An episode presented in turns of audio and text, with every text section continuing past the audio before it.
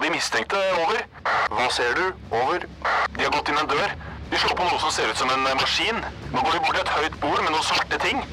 Kan se ut som et våpen. Over. Ja, vent. Får videre instruks. Over.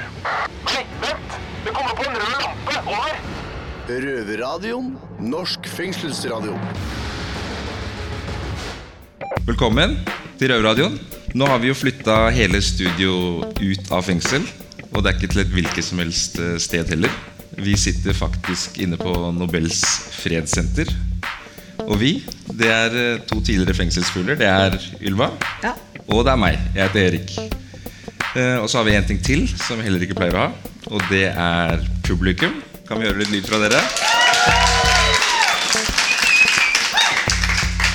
Men Erik, så er det annen ting som er veldig spesielt. Det er jo det at eh, Vi har vært kollegaer i mange måneder på innsida av murene. Det. Og det her det er faktisk første gangen vi sitter og ser hverandre i øynene. På utsida, uten vakter. Uten at disse her som hjelper oss med å ha sendingen, har nøkkelkort og låser oss ut. og litt sånn forskjellig. Hvor deilig er ikke det? Det er sinnssykt deilig. Og så er det jo litt sånn at vi kan jo egentlig bare stikke av, men vi lover det skal vi ikke gjøre. Så lenge dere er snille. Ja. Men hva syns du, Hvordan er det å ha sending uten, utenfor murene? Jeg syns det er kjempebra. Eh, og jeg tror jo det at eh, noen ganger sant, så kan det være litt viktig at de vanlige folk i gata får et ansikt av oss eh, på hvem vi er. For at det er vel ikke engang sånn at vi alle har masse tatoveringer og er skikkelig bad, bad, bad. Vi, vi har vel kanskje mange ganger flere relasjoner til dere vanlige mennesker enn hva dere tror. Absolutt. Absolutt. Ja, Så skal jeg vel avsløre en ting. Eh, og det er det at Jeg er ikke helt fri ennå, men jeg er på noe som heter hjemmesoning uten lenke. Så du er virkelig den som er fri-fri. Men jeg er så nært friheten som det er mulig å komme. Absolutt. Men du, hva er det som eh, Hva er det vi skal gå gjennom i dag? Hva er det som skjer? I dag så har vi en spesiell sending. Vi skal bl.a. få besøk av en mann som har reist rundt i hele verden og besøkt fengsel helt frivillig. Det høres egentlig tror jeg, ganske spesielt ut for oss eh, røvere, Erik. Eh, men det har han altså gjort. Eh, og for en god grunn også. Han har dokumentert eh, mennesker som sitter fengs fengsla verden over. Eh, hvorfor han har, har, har giddet å gjort det, det skal vi finne ut seinere. Og så skal vi også ha besøk av Amnesty International. Eh, hva er Amnesty, Ylva? Jo, det er en organisasjon som jobber for å hjelpe mennesker der det har skjedd store brudd på menneskerettighetene. Og Amnesty skal vi, skal vi forsøke å finne ut av om det er noe håp for å hjelpe alle mennesker som soner feilaktig rundt i verden. Om, de fikk, om det er noe håp for at de kan hjelpe dem. Så skal vi forsøke så godt vi kan hvordan det er å forklare hvordan det er å sitte i fengsel. Ikke akkurat en enkel oppgave. Så det er godt at det er to tidligere innsatte her. Så da er det egentlig bare å kjøre i gang eh, Kjøre overtid.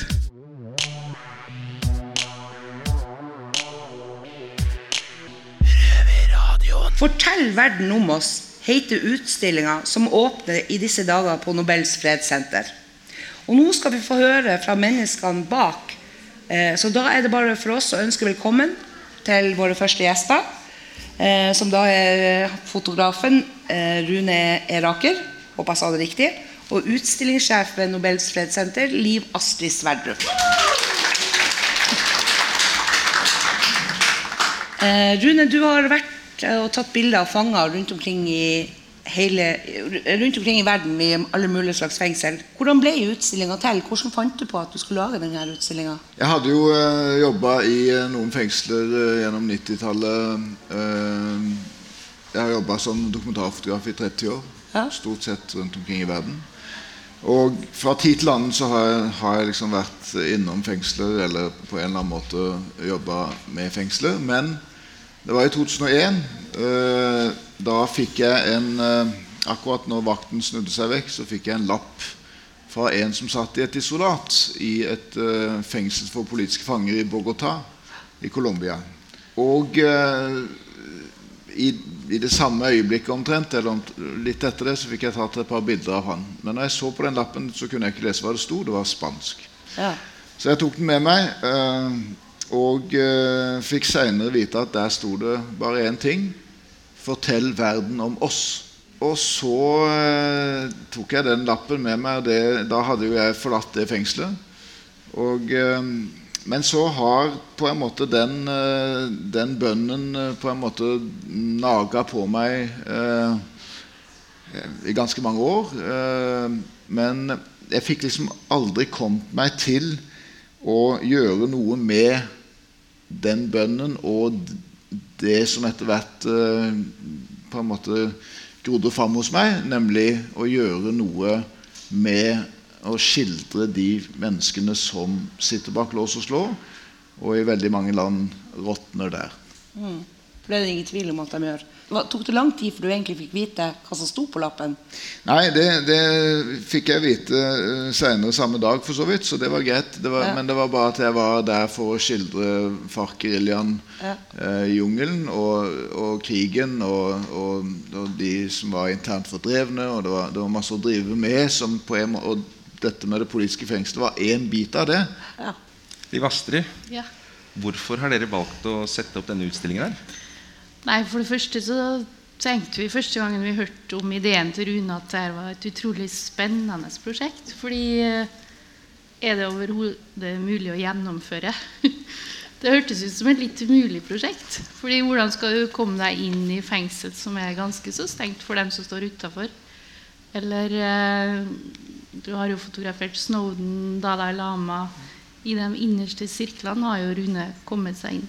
Og det at vi eh, som ser bildene, kan få en anledning til å møte folk som ellers har veldig vanskelig for å bli både sett og hørt, det syns vi var spennende. Og så er det jo kanskje lett å tenke at f.eks. fredsprisvinnere, hva har det med fengsel å gjøre? Men faktisk så er det over 20 fredsprisvinnere som har sittet fengsla. Eh, de har blitt frarøva sin frihet pga. at de har stått opp for noe de har trodd på. Og det er jo også litt av temaet for Rune. da. Ulike måter å bli fratatt friheten på. Og Det syns vi var spennende. Og så En tredje grunn er at i år så er det 70 år siden FN vedtok menneskerettighetskonvensjonen. Og mange av historiene Rune forteller, setter også et søkelys på at eh, her er brudd på menneskerettighetene. Og det er også viktig for oss å sette et søkelys på. Eh, når du har jobba med denne utstillingen, eller når du begynte å jobbe med hva er det som har overraska deg mest? For du har, du har jo besøkt en masse fengsel tenker jeg, og sett ufattelig mange soningsforhold. Jeg, jeg har egentlig ikke tenkt at jeg skal rangere hva som er hva som har overraska meg mest, eller hva som har gjort sterkest inntrykk. Eller fordi at når det kommer til stykket, så er frihetsberøvelse i seg selv eh, veldig ofte straffen. Eh, det er ofte i mange land selvsagt fryktelige forhold. Men det er det å Når døra lukker seg bak deg, den følelsen er så sterk at, at jeg tror at det, det overgår overgår liksom det å rangere det på den måten. Eh, men det har vært mange steder selvsagt fryktelige forhold. Så hvis det er det en tenker på, så er det jo alt fra eh, etter Rwanda-massakren, hvordan, hvordan de, de hutuene ble stua inn i fengslene. Eh, et fengsel jeg var i, eh, som det er bilde av her Jeg har tatt med noen histo historiske gåsehender, eh, bilder, altså. Fra før av, før 2001. Og, og der har det vært der var det, fem, altså det var 350 stykk dette, fengselet var laga for. Og det satt 5000, over 5100. De måtte stå og ligge på skift. De kunne ikke, om du brukte all uteplass, all inneplass, alle ganger, alle trapper, så kunne ikke alle legge seg ned samtidig. Slik at det måtte skje på skift. Og det, det er klart at da eh, blir det jo en, en veldig stor ekstrabelastning når du må stå som stille tønne store deler av dagen, og så får du ligge når det er din tur kommer. Ja. Eh, og så lurer jeg jo på en ting. For at eh, jeg som har sona sjøl, jeg vet jo hvor vanskelig det er ofte å komme inn i et fengsel. Og jeg tør ikke tenke på Når jeg ser på utstillinga di og hvor du har vært henne, så må det jo ha vært noen utfordringer med å det hele tatt få lov til å slippe inn som fotograf. Eh, for jeg tror ikke alle de fengslene vil at du skulle dokumentere og vise forholdene. Nei, det er det. Du må eh, sørge for at de til slutt tror at det at du kommer inn, er i grunnen i deres egen interesse, altså makthaverne. Ja. Det er en, eh, en liten utfordring av og til. eh, Men, eh, men du kan si at ja, veldig mye går på evnen til å snakke seg forbi hindringer, for å si det sånn. Ja.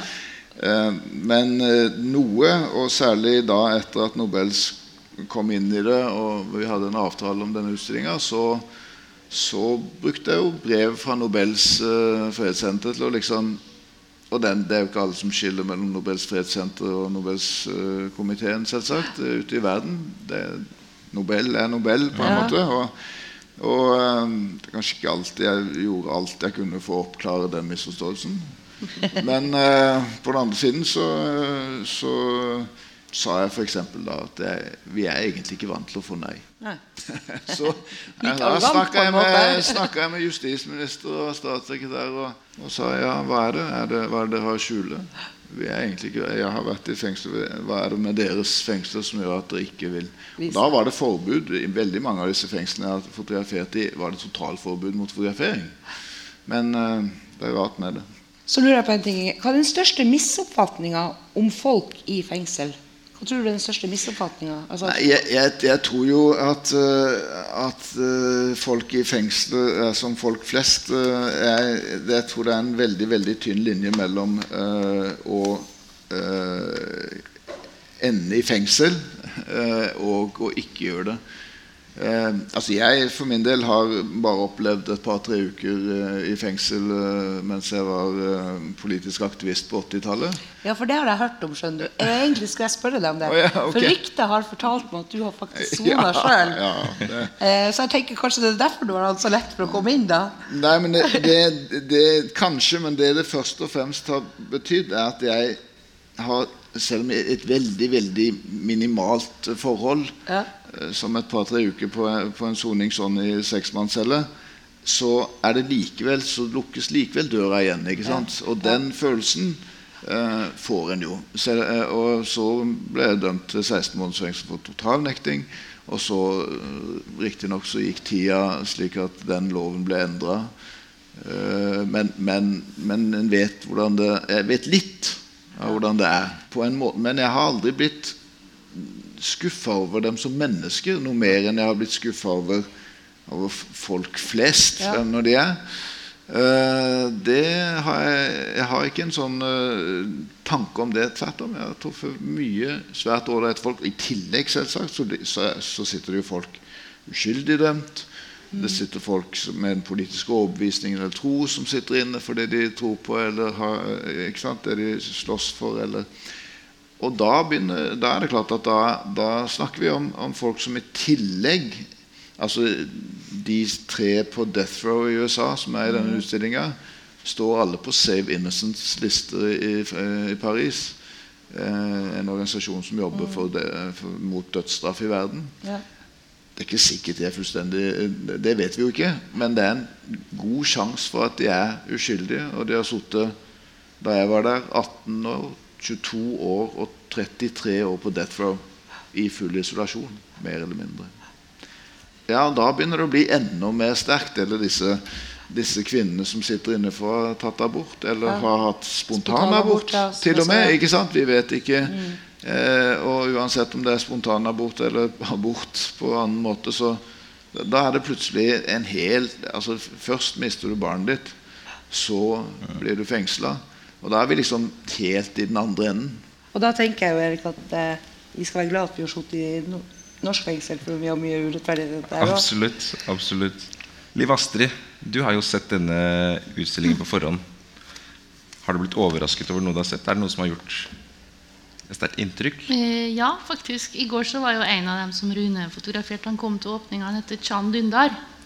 Og eh, nå vet jeg at det er radio, men det er likevel et bilde rett over der hvor du ser Chan Dundar. Han var redaktør i Tyrkia.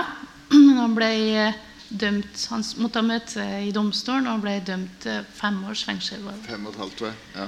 Men det er bare ett bilde av han i utstillinga. Og det er et bilde hvor du ser at han og kona sitter i baksetet ser ut som den filmstjerna med skjerf, blazer, solbriller, nydelig kone ved siden av seg. De ser ut som de er på vei til en filmpremiere. Og så var han jo veldig spent når han skulle se hvilket bilde Rune hadde valgt. Jeg tror det tok mange hundre bilder av, av han på vei til rettssalen. Uh, og så sin, fortalte han til meg at uh, du skjønner at vi ville, vi ville kle oss som om vi skulle ut og ha en herlig kveld. Vi ville ikke vise regimet at uh, de kan undertrykke oss. Vi er tross alt uskyldige i forhold til det her. Uh, og så sier man jeg lurer på hvorfor Rune valgte akkurat det bildet av oss. Men etter å ha hørt deg i går, Rune, så vet jeg hvorfor. For Rune har lyst til å vise at midt oppi en sånn situasjon så har folk en indre styrke. da. Og en sånn eh, vilje en, Ja, en styrke, rett og slett. Til å vise at uh, vi står på uansett. Og for meg er det bildet veldig tydelig i forhold til det. Og han ble jo dømt. Eh, Han satt vel fire måneder i fengsel. Han ble løslatt, men eh, Ja, men han ble løslatt Han, eh, før. Han satt fire måneder i varetekt, tror jeg. Ja. Og så ble han løslatt, og så ble han dømt, og så eh, greide han å, å komme seg unna. Så han er jo i Tyskland nå, da. Nå ser jeg at uh, redaksjonssjefen vår vifter litt med fingeren.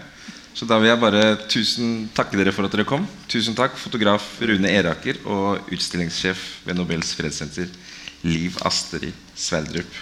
Og masse lykke til med arbeidet dere gjør.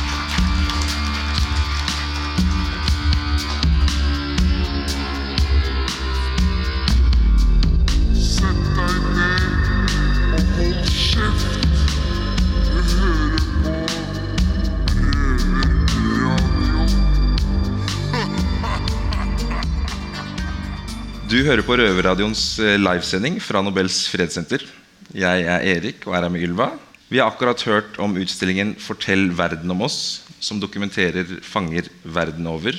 Felles for alle vi møter i utstillingen, er at de har blitt berøvet for friheten sin, samtidig som de kjemper for å bevare verdigheten sin. Eh, mister alle verdigheten sin når de sitter i fengsel, Erik? Gjør de det, Ylva?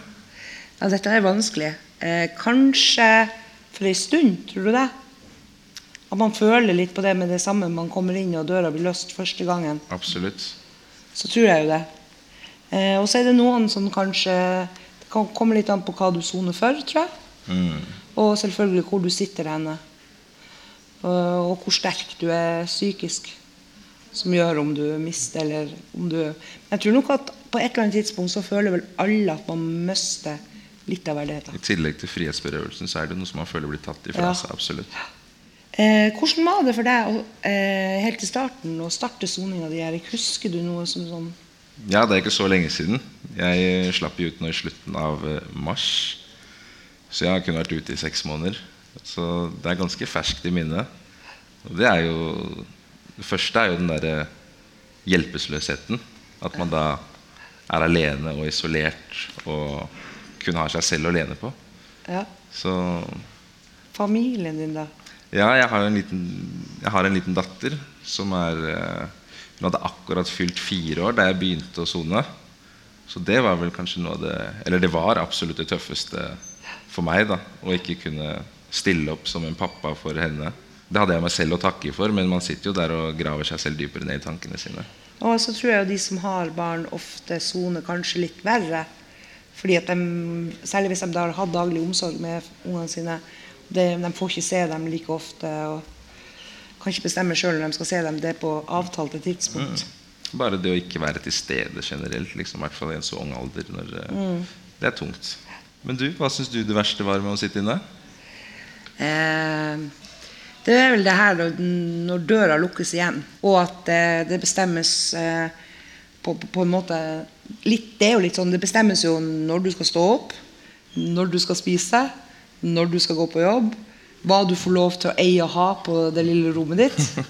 Og så er det jo ofte sånn at det er jo noen kontroller på hvor mye liksom, Og vi jenter ofte vi har jo kanskje litt sånn behov for å kunne pynte oss og sminke og litt sånn forskjellig.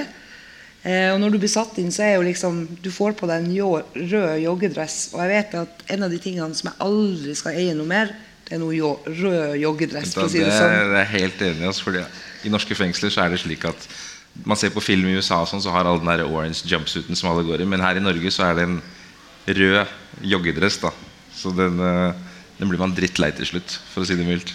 Og så er det vel jeg tror også at, og så er det vel det at eh, du mister jo kanskje for en tid eller en periode litt av deg sjøl. Så det verste er vel egentlig det at noen hele tida skal lukke og bestemme når du skal få lov til å gjøre ting. Eh, For vi lever i et ganske fritt land, Absolutt. og det gjør noe med deg. Men hva føler du er det verste med å sitte inne? Helgene var noe av det verste også. Ja. Hvor man da blir låst inn klokken seks.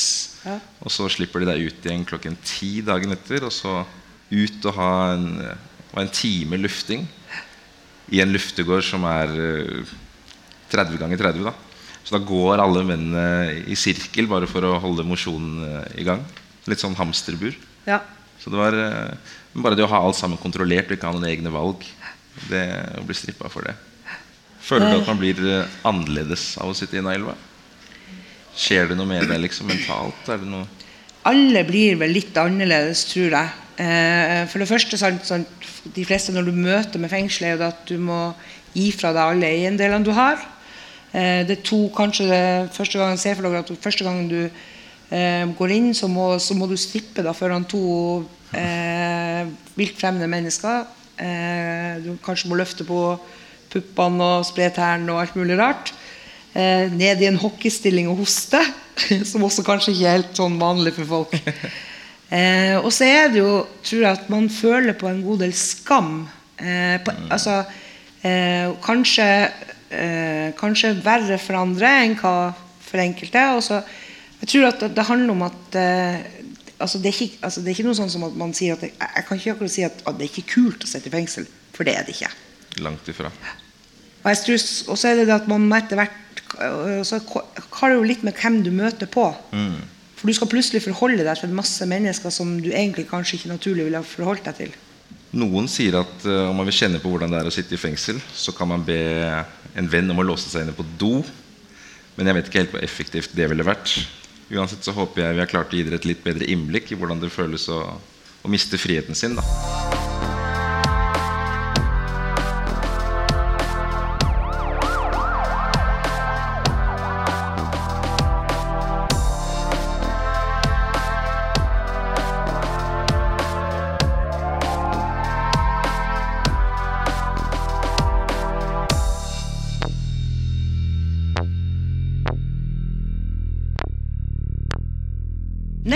gjest jobber hardt for å få folk ut av fengsel. Nei, det er ikke forsvarsadvokaten Christian Elden. Jeg håper ikke han er i eh, salen.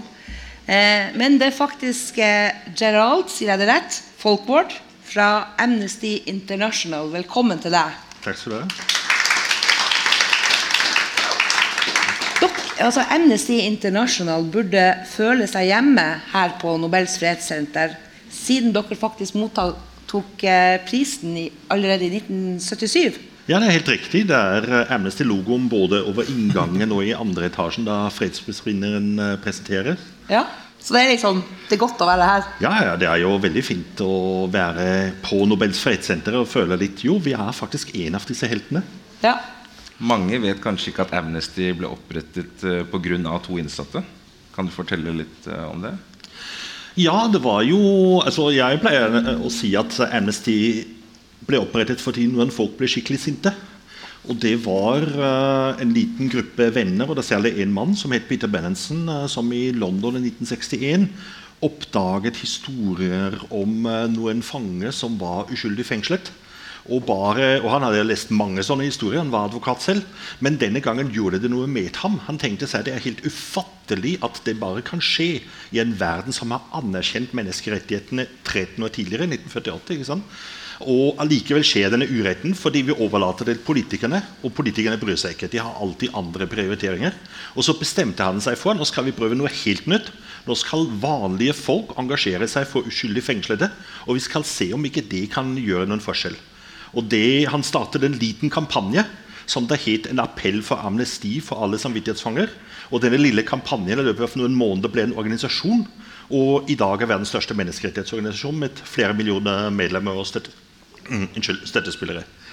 Så, men det var enkeltpersoner som rett og slett hadde lyst til å gjøre noe med et urett, som var opprinnelsen av denne bevegelsen. Ja, Dere bruker jo mye tid eh, på folk som sitter i fengsel. Er det ikke andre dere heller burde hjelpe også? Um, altså Rune har jo sagt det veldig fint. Altså, og balansen, altså Grensen mellom det å være innenfor fengselet og utenfor fengselet den kan være hårfin. Og noen av de menneskene som Amnesty International jobber for, det er jo personer som er sitter i fengsel fordi de har prøvd å gjøre noe med samfunnet sitt. De har forholdt seg på en måten, måte som noen ikke likte, eller som noen så på at de var farlige. Men det er jo også måten personer behandles i fengsel på. De, det, det er et speilbilde for samfunnet. Derfor jobber vi også mot tortur. Vi jobber mot grusomme fengselsforhold uansett hvorfor de personene som berørte av det, sitter i fengsel. Fordi hvordan vi behandler de som er mest utsatt i samfunnet, deriblant de som er fengslet, berøvet sin frihet, det forteller noe om hva slags samfunn vi vil være. Ja. Nå svarte du egentlig på det jeg skulle stille spørsmål om. At det, at det hva er det vanligste det, Eller da tenker jeg sånn Hva er de vanligste dommene dere hjelper folk som sitter i fengsel? Ja, altså vi jobber jo med mange forskjellige temaområder. Ja. Og det er fortsatt sånn at uh, mye av Amnestys arbeid fokuserer på folk som er uskyldig fengslet. Som er fengslet uh, for nettopp å ha prøvd å gjøre noe med uretten de selv ser i samfunnet sine. Det man kaller for menneskerettighetsforkjempere. Det er også ekstra viktig fordi det er jo mennesker som forandrer på all den uretten som vi selv fra uteverden ikke kan gjøre noe med. Vi kan ikke beskytte regnskogen i Brasil, men vi kan forsvare de som gjør det, risikerer sine liv for det eller havner i fengsel for det. Um, men uh, jeg jobber mye med tema tortur. Og de som er mest i fare for å bli utsatt for tortur, for grusomme fengselsforhold og for den type ting, det er ikke politiske aktivister. Det er helt vanlige folk hvor myndighetene tror at de er ingen som bryr seg om, de kan vi gjøre med hva vi vil. Eller hvor politiet tenker jo, vi vet jo at han er en kjeltring, vi tar en snarvei og banker tilståelsen ut av ham. Eh, det er de som er mest i fare, og vi snakker om alle typer menneskerettighetsbrudd. Som er de som er veldig synlige, er jo de store heltene. Men de som er mest i fare, det er de som ingen kjenner til og ingen bryr seg om. Ja. Vi har jo vært så heldige, vært, eh, eller heldige og heldige, men så heldige å få sonet eh, her i Norge. Er det noen land ja, som du tenker på hvor det er forferdelig å være fengslet? Noen av de verste stedene? Ja, Det er jo dessverre ganske mange land i verden hvor samfunnet bestemmer seg for at de som sitter i fengsel, de skal ikke bruke ressurser på. Folk blir bare dumpet, og man vil glemme dem. Man vil ikke bare glemme personene, man vil også glemme vi er et samfunn hvor sånne forbrytelser under anførselstegn kan skje. Um, og det fører til, som Rune beskrev, at folk som sitter i fengsler, eh, flere tusen som har, i, i, i et fengsel som har blitt bygget for 500 eh, Det fører til at folk ikke får mat med mindre familien betaler for det. Fanger i mange land, i flere land i Afrika, men også i flere land i Latin-Amerika, sulter i hjel på fengselet fordi familien må betale for maten deres. Og hvis familien ikke kan eller ikke vil, eh, så er det ingen som forsyner dem. Så det er en ting til slutt. Eh, for det er på slutten av denne her utstillinga eh, så gjør dere sammen med Nobels fredssenter en litt spesiell ting. eh, Der dere oppfordrer de som går og ser på utstillinga, til å gjøre noe. Kan du bare forklare, Ja. kort forklare hva det er? Og det knytter jeg tilbake til det første spørsmålet du Ja. stilte. Eh, hvorfor fins Amnesty? Jo, Amnesty fins for å mobilisere folk til å stoppe urett. Fordi vi vet det er vanlige mennesker som står opp, som har den beste sjansen å forhindre urett. Og da har vi fem eh, appellpostkort som dreier seg om personer i fem forskjellige land som er utsatt for Noen av dem sitter fengslet pga. sin politiske aktivisme. Det er liksom fem personer som virkelig trenger at de myndighetene som er ansvarlige for dem, får et signal. Her er det noen der ute i verden som bryr seg om dem. De har verden, venner overalt. Dere skal bare tenke igjen hvis dere tror at det er ingen som bryr seg om dem, for de er helt vanlige mennesker. Da sier jeg tusen takk for at du kom i studio, Gerald eh, Folkevard fra Amnesty International. Takk. Du hører på lyden av ekte straffedømte. Røverradio. Hver lørdag på NRK P2 halv to. Og når du vil som podkast. Det var det vi hadde fra Røverradioen i dag. Du hører oss om en uke. På Radio Nova på fredagene klokka 18.00. Eller på NRK P2 hver lørdag klokka halv to. Neste ukes sending da skal det handle om gjenger i Oslo. Dere skal få bli bedre kjent med tidligere gjengmedlem. Og så får vi også besøk av byrådsleder Raimond Johansen i studio. Men du sier meg en ting. Raymond Johansen er han som har vært egentlig den eh, lederen for hele gjengene i Oslo. Han eh, er liksom head honchoen i hele Oslo byråd. Han. Å, jeg skjønner. Det er han. Følg med på Facebook og få med dere Ylvas anmeldelse av utstillingen. Fortell verden om oss. Og selvfølgelig så ta turen ned hit selv. Nå takker jeg og Ylva for oss. Det har vært stille fra over en time. Hva skjer? Over. Det er bare et radioprogram. Det er lettere å høre på dem der. Over. Ja, vet du når det går, da? Over. Det er samme tid og samme sted neste uke. Over. ikke oss. Vi er tross alt uskyldige i forhold til det her. Eh, og så Simen, jeg lurer på hvorfor Rune valgte akkurat det bildet av oss. Men etter å ha hørt deg i går, Rune, så vet jeg hvorfor. For Rune har lyst til å vise at midt oppi en sånn situasjon, så har folk en indre styrke, da. Og en sånn eh, vilje, en, ja, en styrke, rett og slett, til å vise at eh, vi står på uansett. Og for meg er det bildet veldig tydelig i forhold til det. Og han ble jo dømt. Eh, Han satt vel fire måneder i fengsel. Ble løslatt, men eh, Ja, men han ble løslatt Han, eh, før. Han satt fire måneder i varetekt, tror jeg. Ja. Og så ble han løslatt, og så ble han dømt, og så eh, greide han å, å komme seg unna. Så han er jo i Tyskland nå, da. Nå ser jeg at uh, redaksjonssjefen vår vifter litt med fingeren. Så da vil jeg bare tusen takke dere for at dere kom. Tusen takk, fotograf Rune Eraker og utstillingssjef ved Nobels fredssenter, Liv Astrid Sverdrup. Og masse lykke til med arbeidet dere gjør.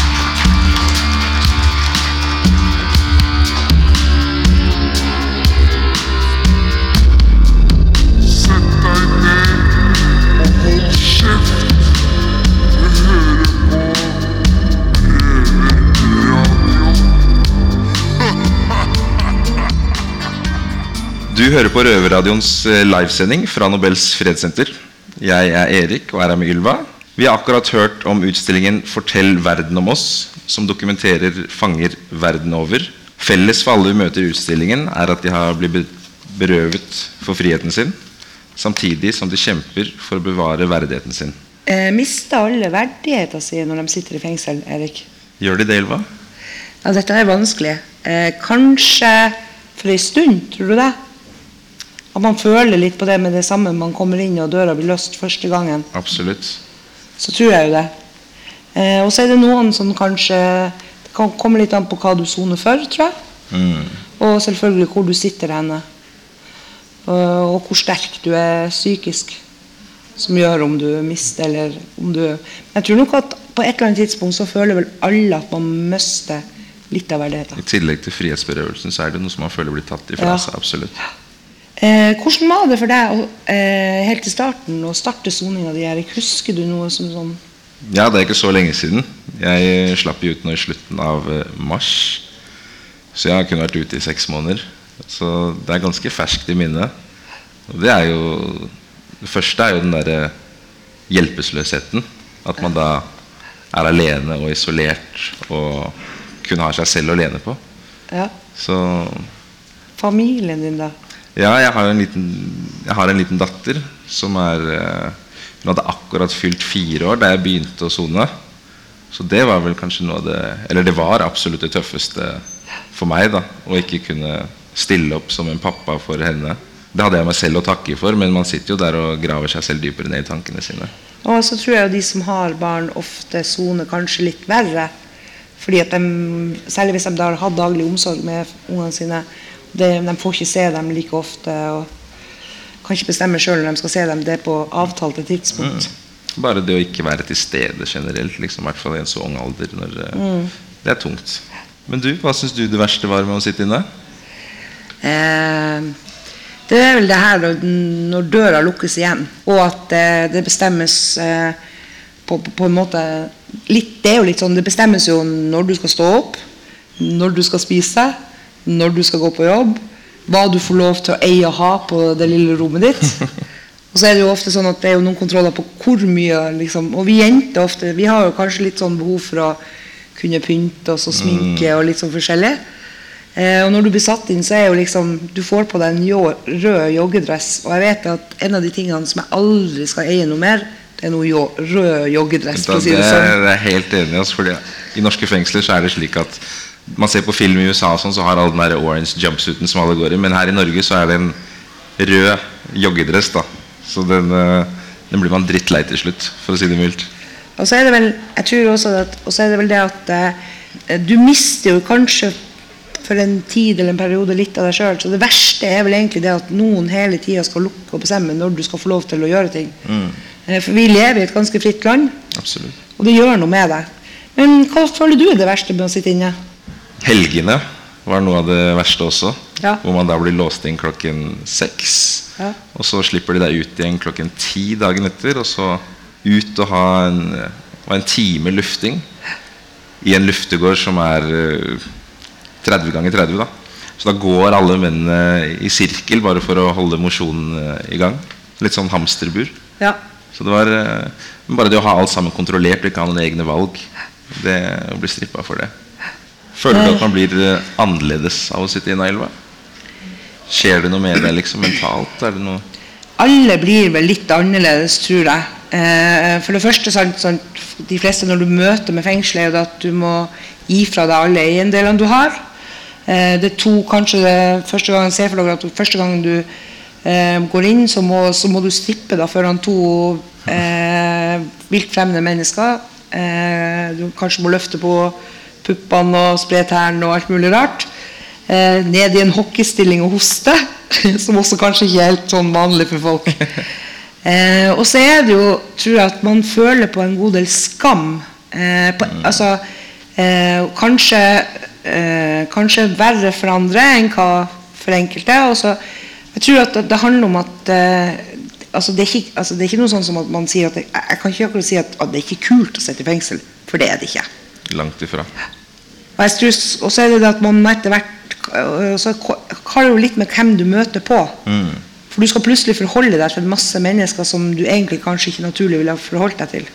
Noen sier at uh, om man vil kjenne på hvordan det er å sitte i fengsel, så kan man be en venn om å låse seg inne på do. Men jeg vet ikke helt hvor effektivt det ville vært. Uansett så håper jeg vi har klart å gi dere et litt bedre innblikk i hvordan det føles å, å miste friheten sin. da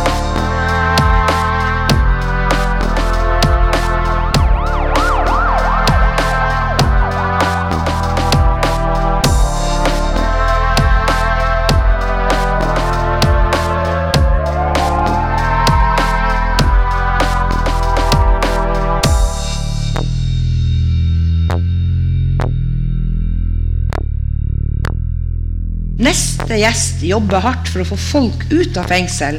Nei, det er ikke forsvarsadvokaten Christian Elden. Jeg håper ikke han er i eh, salen. Eh, men det er faktisk eh, Gerald, sier jeg det rett? Folkvord fra Amnesty International. Velkommen til deg. Takk skal du ha. Altså Amnesty International burde føle seg hjemme her på Nobels fredssenter, siden dere faktisk mottok eh, prisen i, allerede i 1977. Ja, det er helt riktig. Det er eh, Amnesty-logoen både over inngangen og i andre etasjen da fredsprisvinneren eh, presenteres. Ja, Så det er liksom, det er godt å være her. Ja, ja, det er jo veldig fint å være på Nobels fredssenter og føle litt Jo, vi er faktisk en av disse heltene. Ja. Mange vet kanskje ikke at Amnesty ble opprettet pga. to innsatte. Kan du fortelle litt om det? Ja, det var jo altså Jeg pleier eh, å si at Amnesty ble opprettet fordi noen folk ble skikkelig sinte. Og det var uh, en liten gruppe venner, og det særlig en mann som het Peter Benenson, uh, som i London i 1961 oppdaget historier om uh, noen fanger som var uskyldig fengslet. Og, bare, og Han hadde lest mange sånne historier, han var advokat selv. Men denne gangen gjorde det noe med ham. Han tenkte seg det er helt ufattelig at det bare kan skje i en verden som har anerkjent menneskerettighetene 13 år tidligere, 1948. ikke sant? Og allikevel skjer denne uretten fordi vi overlater det til politikerne. Og politikerne bryr seg ikke. De har alltid andre prioriteringer. Og så bestemte han seg for nå skal vi prøve noe helt nytt. Nå skal vanlige folk engasjere seg for uskyldig fengslede. Og vi skal se om ikke det kan gjøre noen forskjell. Og det, Han startet en liten kampanje som det het en appell for amnesti for alle samvittighetsfanger. Og denne lille kampanjen i løpet av noen måneder ble en organisasjon. Og i dag er verdens største menneskerettighetsorganisasjon med flere millioner medlemmer og støtte, mm, unnskyld, støttespillere. Så, men det var enkeltpersoner som rett og slett hadde lyst til å gjøre noe med et urett, som var opprinnelsen av denne bevegelsen. Ja, Dere bruker jo mye tid eh, på folk som sitter i fengsel. Er det ikke andre dere heller burde hjelpe også? Um, altså Rune har jo sagt det veldig fint. Altså, og balansen, altså Grensen mellom det å være innenfor fengselet og utenfor fengselet den kan være hårfin. Og noen av de menneskene som Amnesty International jobber for, det er jo personer som er sitter i fengsel fordi de har prøvd å gjøre noe med samfunnet sitt. De har forholdt seg på en måten, måte som noen ikke likte, eller som noen så på at de var farlige. Men det er jo også måten personer behandles i fengsel på. De, det, det er et speilbilde for samfunnet. Derfor jobber vi også mot tortur. Vi jobber mot grusomme fengselsforhold uansett hvorfor de personene som berørte av det, sitter i fengsel.